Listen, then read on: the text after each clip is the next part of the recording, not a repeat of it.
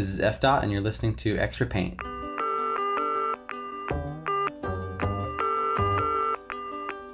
Hey, my name is Eric Friedenson, aka F Dot. I'm an artist and muralist from Brooklyn, New York. Extra Paint is a podcast for muralists, artists, and art lovers of all kinds. This week on Extra Paint, we have Jeanette Liao, who's joining us to share her experience as a designer, illustrator, and muralist based here in New York. She's worked on some really cool projects for clients like Adidas, Strava, Brooklyn Boulders and Adobe. And that's actually how we met. We met through Adobe. So we'll get into her journey and we'll talk about some of the ups and downs of putting yourself out there as an artist. By the way, this is a conversation we recorded back in 2019. I think the content is still really helpful and interesting though. And if you want a visual to look at while you're listening to this conversation, go check out Jeanette's work at JeanetteLiao.com or on Instagram at JeanetteLiao. And it's J-E-N-N-E-T-L-I-A-W. All right, let's go talk to Jeanette. Thank you so much for having me. So, Jeanette, you have a really interesting story because you used to work out west for a little brand called Nike. And I feel like that's the brand that everybody, every graphic designer wants to do work for. And you can actually speak to Maybe. what it's like. right. And then you jumped ship and you moved here to New York and you've been freelancing since, right? Pretty much, yeah. That's pretty much the just the gist of it. Let's start like before Nike because right. I think a lot of people want to know how you ended up there and then tell us a little bit about what it was like and how you moved on from there. So what's your story, Jeanette? I've always been bouncing around from full-time jobs to freelancing. I think there's like a very just important part of my identity that I have both urges in me. So after I left my job at um Purefix, which is a bike company I was designing for bikes there, I was freelancing for a while and that's when I really started to get into a creative realm where I could explore things that were closer to my personality and just really grow like on my own without having yeah. like a prompt that someone else is giving me. I've always been you know, quote unquote artistic, but it wasn't something that in my community or in my family was something that I could just say like I want to study design and I'm good at it, so I'm going to. It was more complicated than that. So I went to school for studio art and it was honestly like kind of a BS major. Um what university? Actually, that was pun not intended. It was it was a bachelor of arts, but it was like a BS major. yeah, um, what I had too. Yeah. yeah. so it was at the University of California in San Diego, which was a great place to be physically, but they just didn't see the importance of designer art and there was no funding in it and it was just really one type of person that would be in studio art and that person wasn't me. So I really had to explore the world of design on my own um using the internet. This is pre Instagram, pre just any sort of easy connection to what other people are doing. So after that, I just and and during my schooling, I was just really big on internships and getting like real life experience cuz I realized really early on the academics here are not going to do for me what I want. So, yeah, no, I didn't study design and for a long time I was pretty insecure about that. I was like, well, I'm so behind even though I no knew what I wanted to do. It was constantly needing just validation um from like the real world that I could do what I wanted to do without a degree or without going the traditional path. What would you say to someone who was in a similar situation that didn't go to school but they want to do this professionally even though they don't have the degree? Do you think the degree matters? Is it all about portfolio? Does it give you anything to have that piece of paper? I mean, on one hand it would be like stay in school, go to school because college was an important time, but also no, it doesn't matter. Um, if you're studying something um, creative or you're interested in a creative career, I think times are different now. And you can see just online from the exposure of other people's lives that it is totally possible to make it um depending on what you want to do obviously but you can see examples of how people are successful without going just one traditional route so um i would say that no, you don't need to, but also I can't speak to what it does do for you if you did study in that degree because I didn't have that experience. But if you think that I'm in a place that's okay now, then I guess I can be a testament to the fact that you don't really need a degree. Yeah. A lot of people get hung up on that. Just feeling exactly like you felt when you finish and you were trying to teach yourself graphic design and all the different skills that you needed to learn, but so you ended up at working at this bike company. Was that your first like medium long term full time job? I would say so, yeah. And it was a great experience because they didn't have a creative presence dedicated to just creating or just thinking about how things would be presented visually in that company at all. So I was really lucky that I came into a company that had a lot of growth um that was about to happen, but that needed some direction and I had a place right out of college to exercise like what I thought was good taste and design.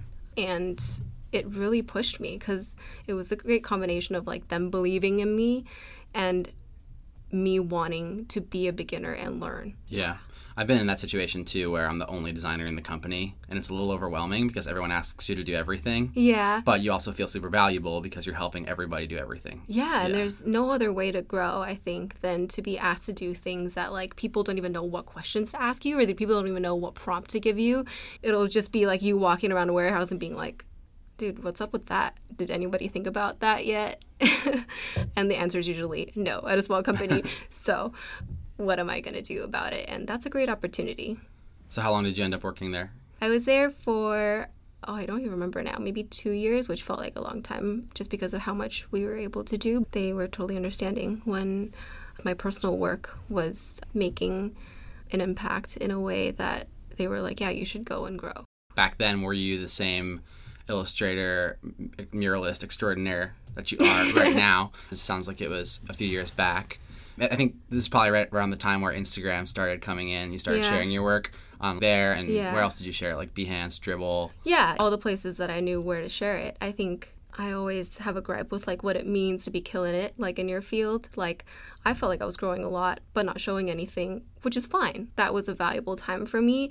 And then then Instagram came along and not that many people were on it. To be killing it there didn't mean anything like then. It was just like another thing that I was doing amongst the other things and it wasn't important, but that's what made it a true place of growth is the fact that I can say that I had no motive other than just oh, can I show like 10 people something here?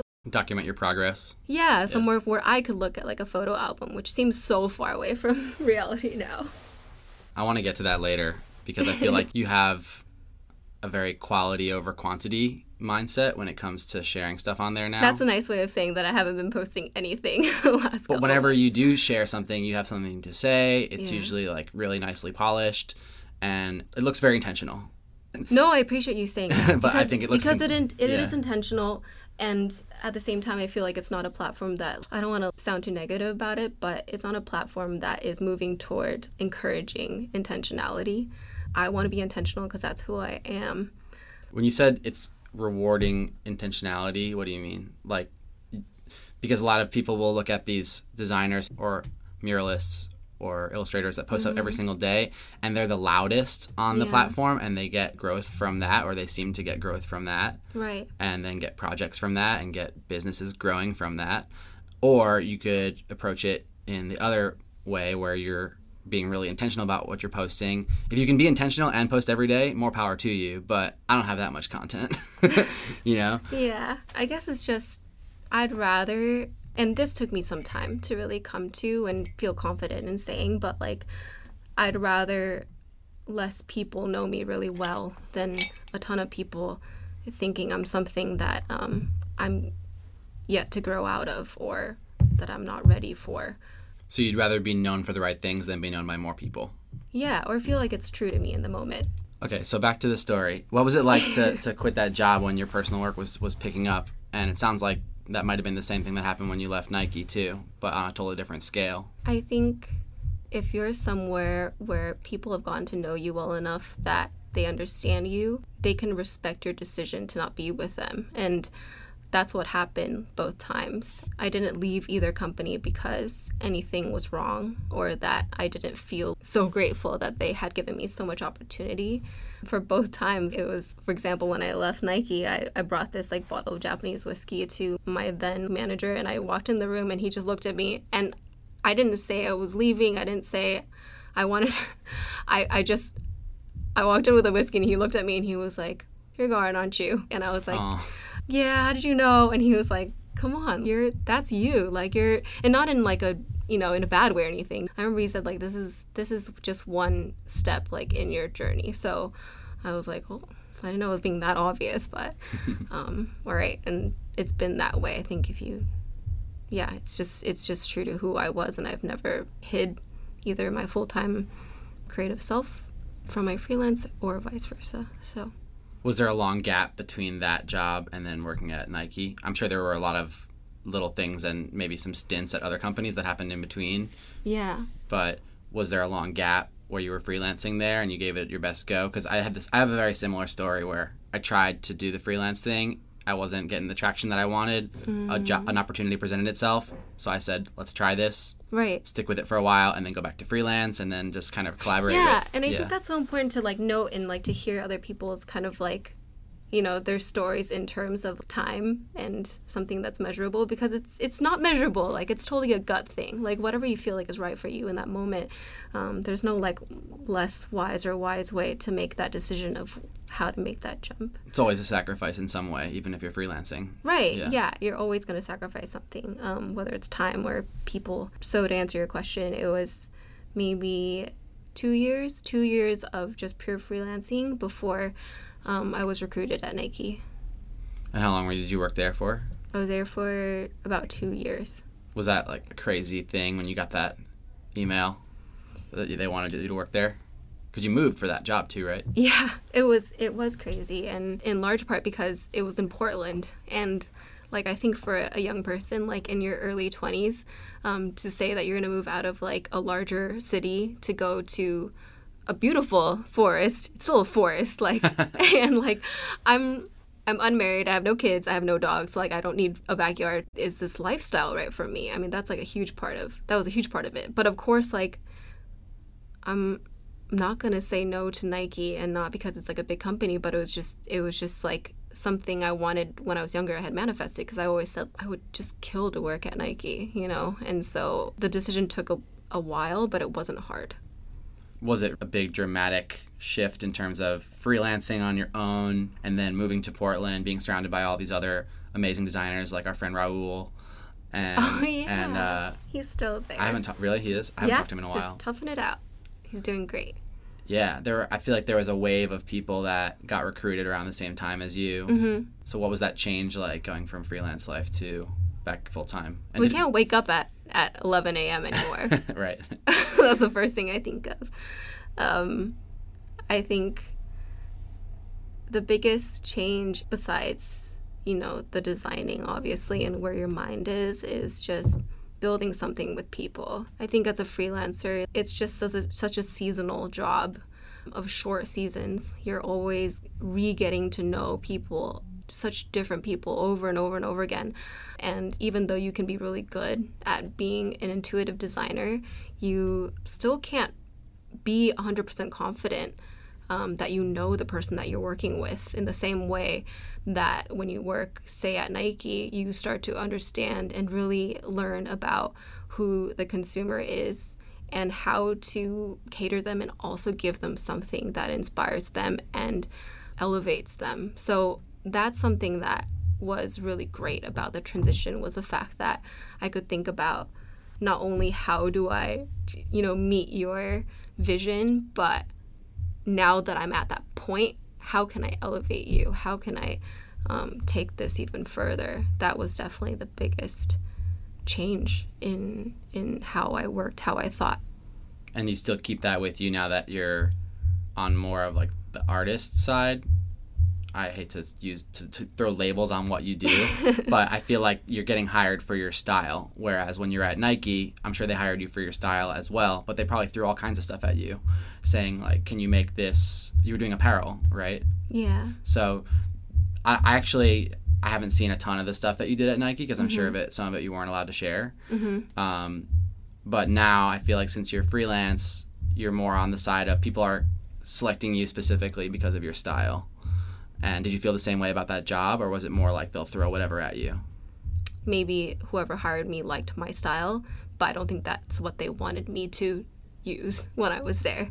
Of course, that's like I had a certain skill set that would be helpful in very, you know, like a smaller percentage of work that we could do. For example, like I just was better at executing textures and stuff. So what? In like the big scheme of things, it was really I think they hired me for how I problem solve like as a designer, which is so different from what I'm hired for now as an artist. Cuz I'm like you never feel yeah. like they really know you. Like and you get like take it personally yeah. cuz you're like I can do so much more than what you're asking me to do. Right. It's like you want to solve a problem for them, but they don't want you to solve a problem. They just want you to do your thing yeah. and make it look good and mix in yeah. whatever a little bit of their brand maybe or or maybe not sometimes not even.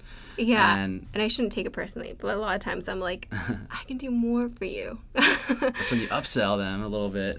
yeah. Oh, you need a new logo as well? Okay. right, right, right. So how did you go from being specialized in apparel and more digital illustration? That's your process, right? Is you work digitally almost exclusively in the beginning and then mm -hmm. eventually it can become physical.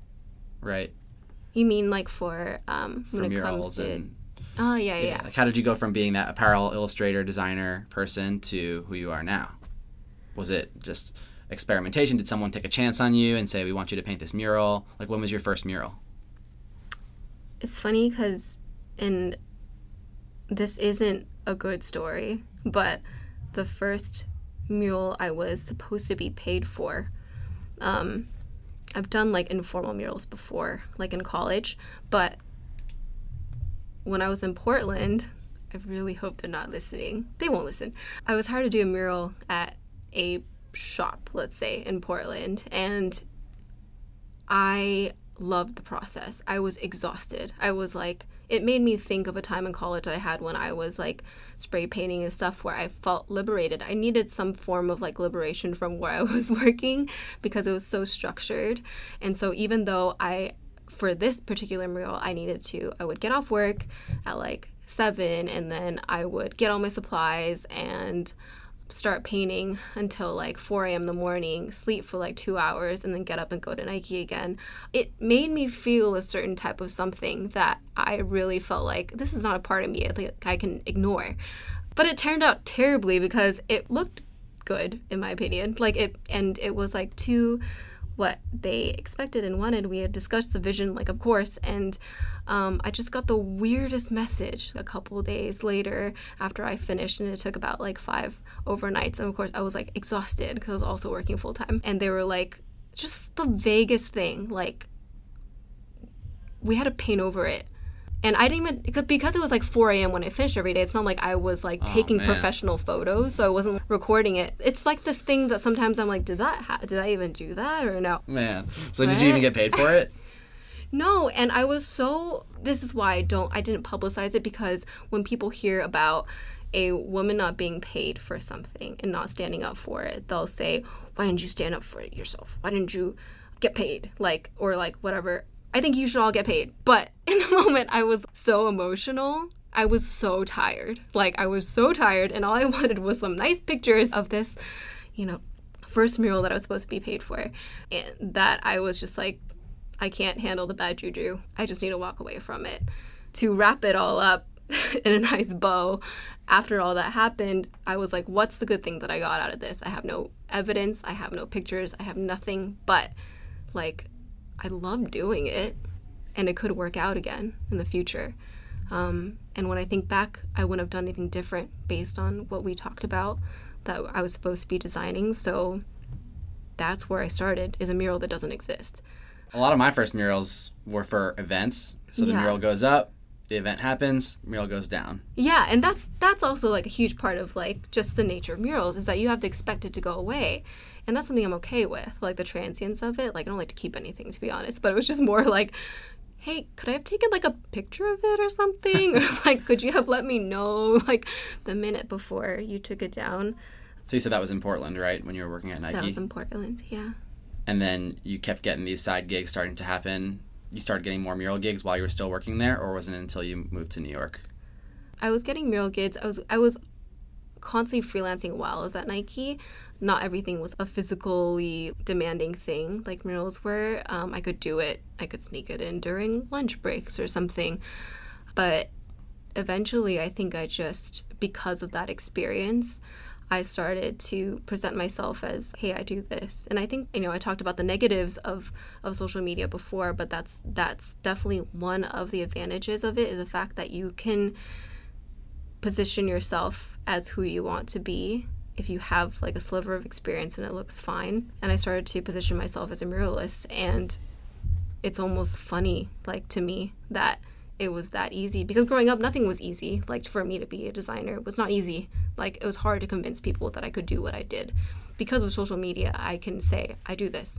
I feel like that power of social media really gets even stronger when you niche down into something and have a little like put a stake in the ground.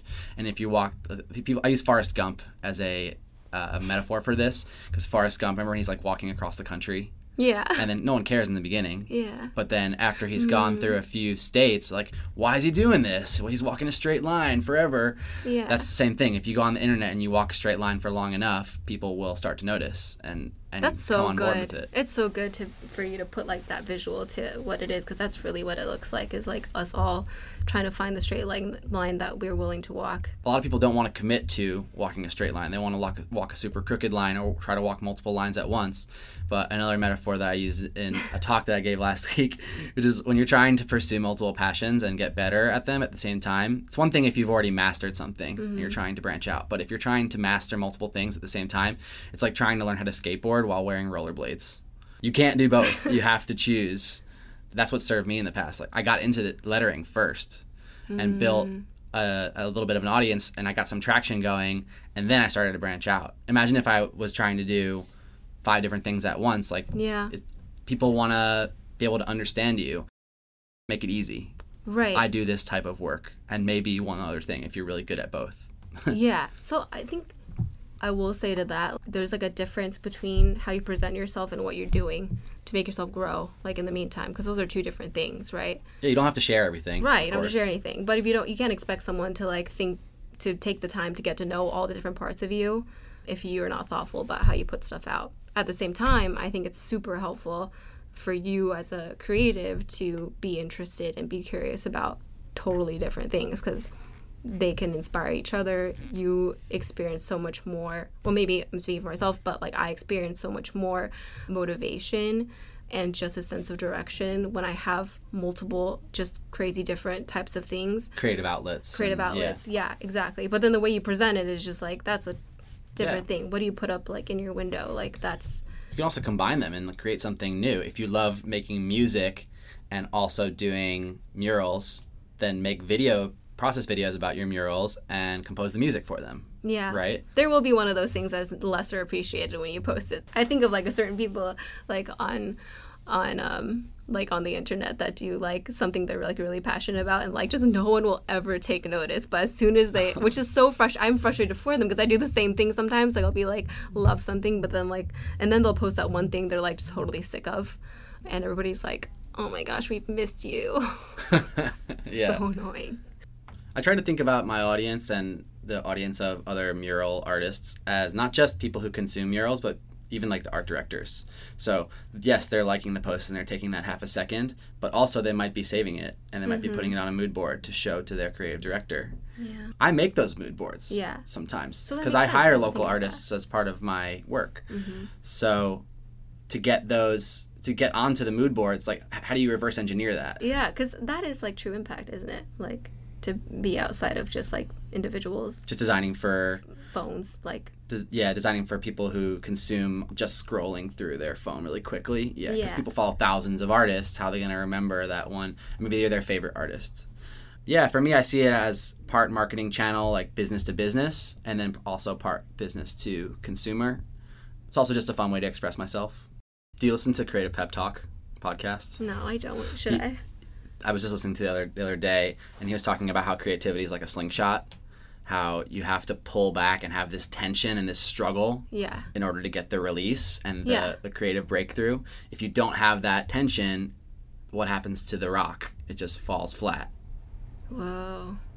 You're giving me like a lot of good visuals for you know I'm trying. Like, this common is, feelings yeah. of creators. It's a podcast about murals, so I have to get really yeah, I have yeah. to create the picture in your head because it's such a visual medium. No, I love podcast, that when so. someone like just said something so simple like I'm like I'm gonna remember that because you painted a picture in my head. Cool. So back to what we were talking about before. Sorry, what were um talking about. I want to know about what it was like to move here to New York and start to try to get your your bearings like as a freelancer I quit my job and I totally Irish goodbye to Portland. Like I had a close group of friends there and I don't know, my mind was just somewhere else, somewhere else. And I just booked the fastest ticket like to New York that I could get. I had a friend come up and help me with like my car and and moving and stuff, but other than that, I was out in like in a second. And so the transition was really really um it all happened in a flash. I didn't have a lot of time to think about what I would be doing other than just knowing that I had once freelanced full time before and I'm going to try that again, but with maybe like a new set of challenges I'd give myself. So I had done that mural. I had been talking to an agent and I signed on with him and there was a project coming up that was really big. So I had no time to really think about like what what was my purpose in New York or anything like that. Did the agent find you or you reached out to them? I actually reached out to them. Yeah, he, I found him. I'd only asked a couple of people because I wasn't sure that I needed one um because I didn't know really know like the percentage of like what I wanted to do like more murals or more like do I want to still do branding I'm not sure but I reached out to him because he represented an artist that I really looked up to when I was younger and I thought if he doesn't want me then fine like but then I don't need anybody else. But um if you want to work with me and it's great, then that's all I want. So it worked out and I had a big project. Like when I first moved to New York, that was a mural in Times Square. No big deal. Mural in Times Square. I was like really weird and surreal. that's crazy. Wait, did they even have any regular walls in Times Square? I feel no, like they had to just... erect one, but it was like in the middle of like So it's a temporary Where's that like soup place that's like right in the like it's almost comical. It looks photoshopped because it's like there's like the Lion King uh billboard behind it and like it's just so disgusting in New York that it looks like not real. yeah. Um but yeah, they had a erect a wall up and that's what I did. So I think that I kind of I had a mind to do murals um, when I moved out here, and that you, locked it in. The and running. then I was like, all right, let's go. And all my stuff didn't even reach me until like after a couple months. So it was just, I was just really, it was just me in an empty apartment for a while. So I feel like we've covered a lot of different stuff, but haven't dived deep into your process and like the technical aspects of murals, which this could be the reason why someone decided to listen. So, what are some things that are uncommon about your practice that you don't think other muralists do. Like I've seen videos of you painting mm -hmm. and you're very precise it seems, but the finished product looks super organic and it seems like that's the goal, like to make it look effortless, but in re in reality you're sweating over those details. Interesting. It's that's interesting my impression that of it. That's your yeah. impression of it. Like you make it look easy, but I I know that there's a like you, especially when you do things that are distressed it's mm -hmm. all very purposefully distressed. It's mm -hmm. not like you just threw paint at the wall and saw what happened. Yeah. I should find a way to do that though. Effortless takes a lot of effort but no i appreciate you saying that. I'm all about the planning and i don't think that this is true for every muralist because i think there are people that can you know, walk up to a wall and they have their gear and no matter what happens, they'll be so zen and chill with what happens with like a very vague plan. Improvising. Yeah, yeah. that's basically a short way of saying what I just said. But yeah, improvising. People that are good at improvising or that enjoy that. I just personally don't enjoy improvising. It freaks me out and it makes me think that I need to call the client and it makes me honestly just want to go home. Like if something like wrong happens or whatever and that's just me. So if that's like a really Monica reason that I'm different that's kind of boring. But I like just have the design just really really locked in and mocked up to a T um before I start. So I really know like where all of the texture is going how I'm doing that like precise splatter because any muralist will know like when you are standing up next to a mural like I'm not a person with very long limbs and even if you were like there's only so far you can stand from the wall while painting and seeing what's going on. So I can only trust my mock-up. I've had murals where I didn't have a lot of like horizontal clearance. So you couldn't project everything. You had to kind of improvise. No, and... or see what I was doing yeah. like until it was like out in the open. So I think maybe because of that, I'm very, very plan ahead so that I know from really close up when nothing makes where nothing makes sense how I'm going to execute so that when I stand back, I'm not horrified. but with the with the design process though, it seems like there might be a little bit of spontaneity there to get those kind of textures that you want. And then it's just a matter of scaling it up for the final product. Yeah, I mean right? that's why yeah. I think that's just like my personal kind of style at hand of like I'm not like overthinking it, but I think it's just what I've been doing for a while. Everywhere from my sketchbook to my to Illustrator to my iPad of how I do it like my way. So, I don't want that to look too different from how I do my murals. There's something really nice around about coming to a wall and having a plan of how you're going to execute everything. You have the supplies already for every single part of it you've thought of all the potential problems. And that only comes with experience or with shadowing somebody who's done a bunch of murals. Mm -hmm. but th that is a really great feeling when all you have to do is paint. You don't have to make any design decisions on the fly. I like improvising too. Yeah. Even though it, it you have to be okay with quote unquote mistakes or yeah. accidents. And i don't know i look at your work and it seems it seems like you've get it to 90% because that's the majority of the work and then you go that extra mile also on like every little detail. You know why? It's because like that's that I think it's different for everyone. I'm sure that's what that's the part I enjoy. I'm really stressed out, honestly. If you ever like see me on the first day of like painting a mural, I'm just like don't talk to me until I know this is going to work. Like about 80% of the way through where I can see the end. I love that part. Do you have any other wisdom about commercial murals that you want to share? I think how how to get the right clients. I think just know where you want to go because we don't there's a lot of companies want murals now. A lot of people, like individuals want murals. Like murals are, you know, a hot topic just because we get to see artists post about them and it's like I want one. Um who are you going to mural for? Who are you? Like who I think that taking that time like on your own to um, before you get the emails, before you get the requests and people asking questions and stuff to really know yourself and where you stand like in that world really set you up for taking on the jobs that are going to make you move forward versus just maybe paying your rent or um or having one nice thing to show. Like what's next? You know, every time you paint a mural, every time I paint a mural, I'm thinking what next client is this going to attract? And if it is attracting someone that I'm not excited about working with um then I think that's a sign that that's this is not the right project. And at least you shouldn't share it. But when you do get that project that is in the industry that you want in the market that you want then you can document the hell out of it and share that and like try to get that next yeah make it part project. of your identity. So i think like i mean same for anything right? Like we're talking about murals but like same for anything. Like know your identity or at least like a sense of where you want to go before everyone else determines it for you. Because a lot of people are gonna if you get to a certain level a lot of people are gonna ask you for things. And the quicker you can discern what's for you and what feels like a favor to someone it's a sign of how much you know yourself and therefore how quickly you're going to get to where you actually want to go. Mic drop. I feel like that's a really that's like a super good takeaway. I feel like we all want to jump to the the next season and already be in that situation where we have our dream clients before we even know who those dream clients are. no yeah. one wants to like do that work of writing down the list and saying like why do I want to work with these people who's the right. what what kind of message do I want to share with my art the hard part to get there is what no one wants to talk about which is exactly why I started yeah. this podcast so that's great Thanks so much Jeanette for making the time to come on the podcast that was great You can go check out her work at Jeanette Liao on Instagram if you haven't already gone and checked that out. Go follow her and show her some love. Let her know you found her through the podcast. Do you like this episode? Well, let you can let us know by leaving a review on Apple Podcasts. That really helps us improve the show and we love hearing all that feedback.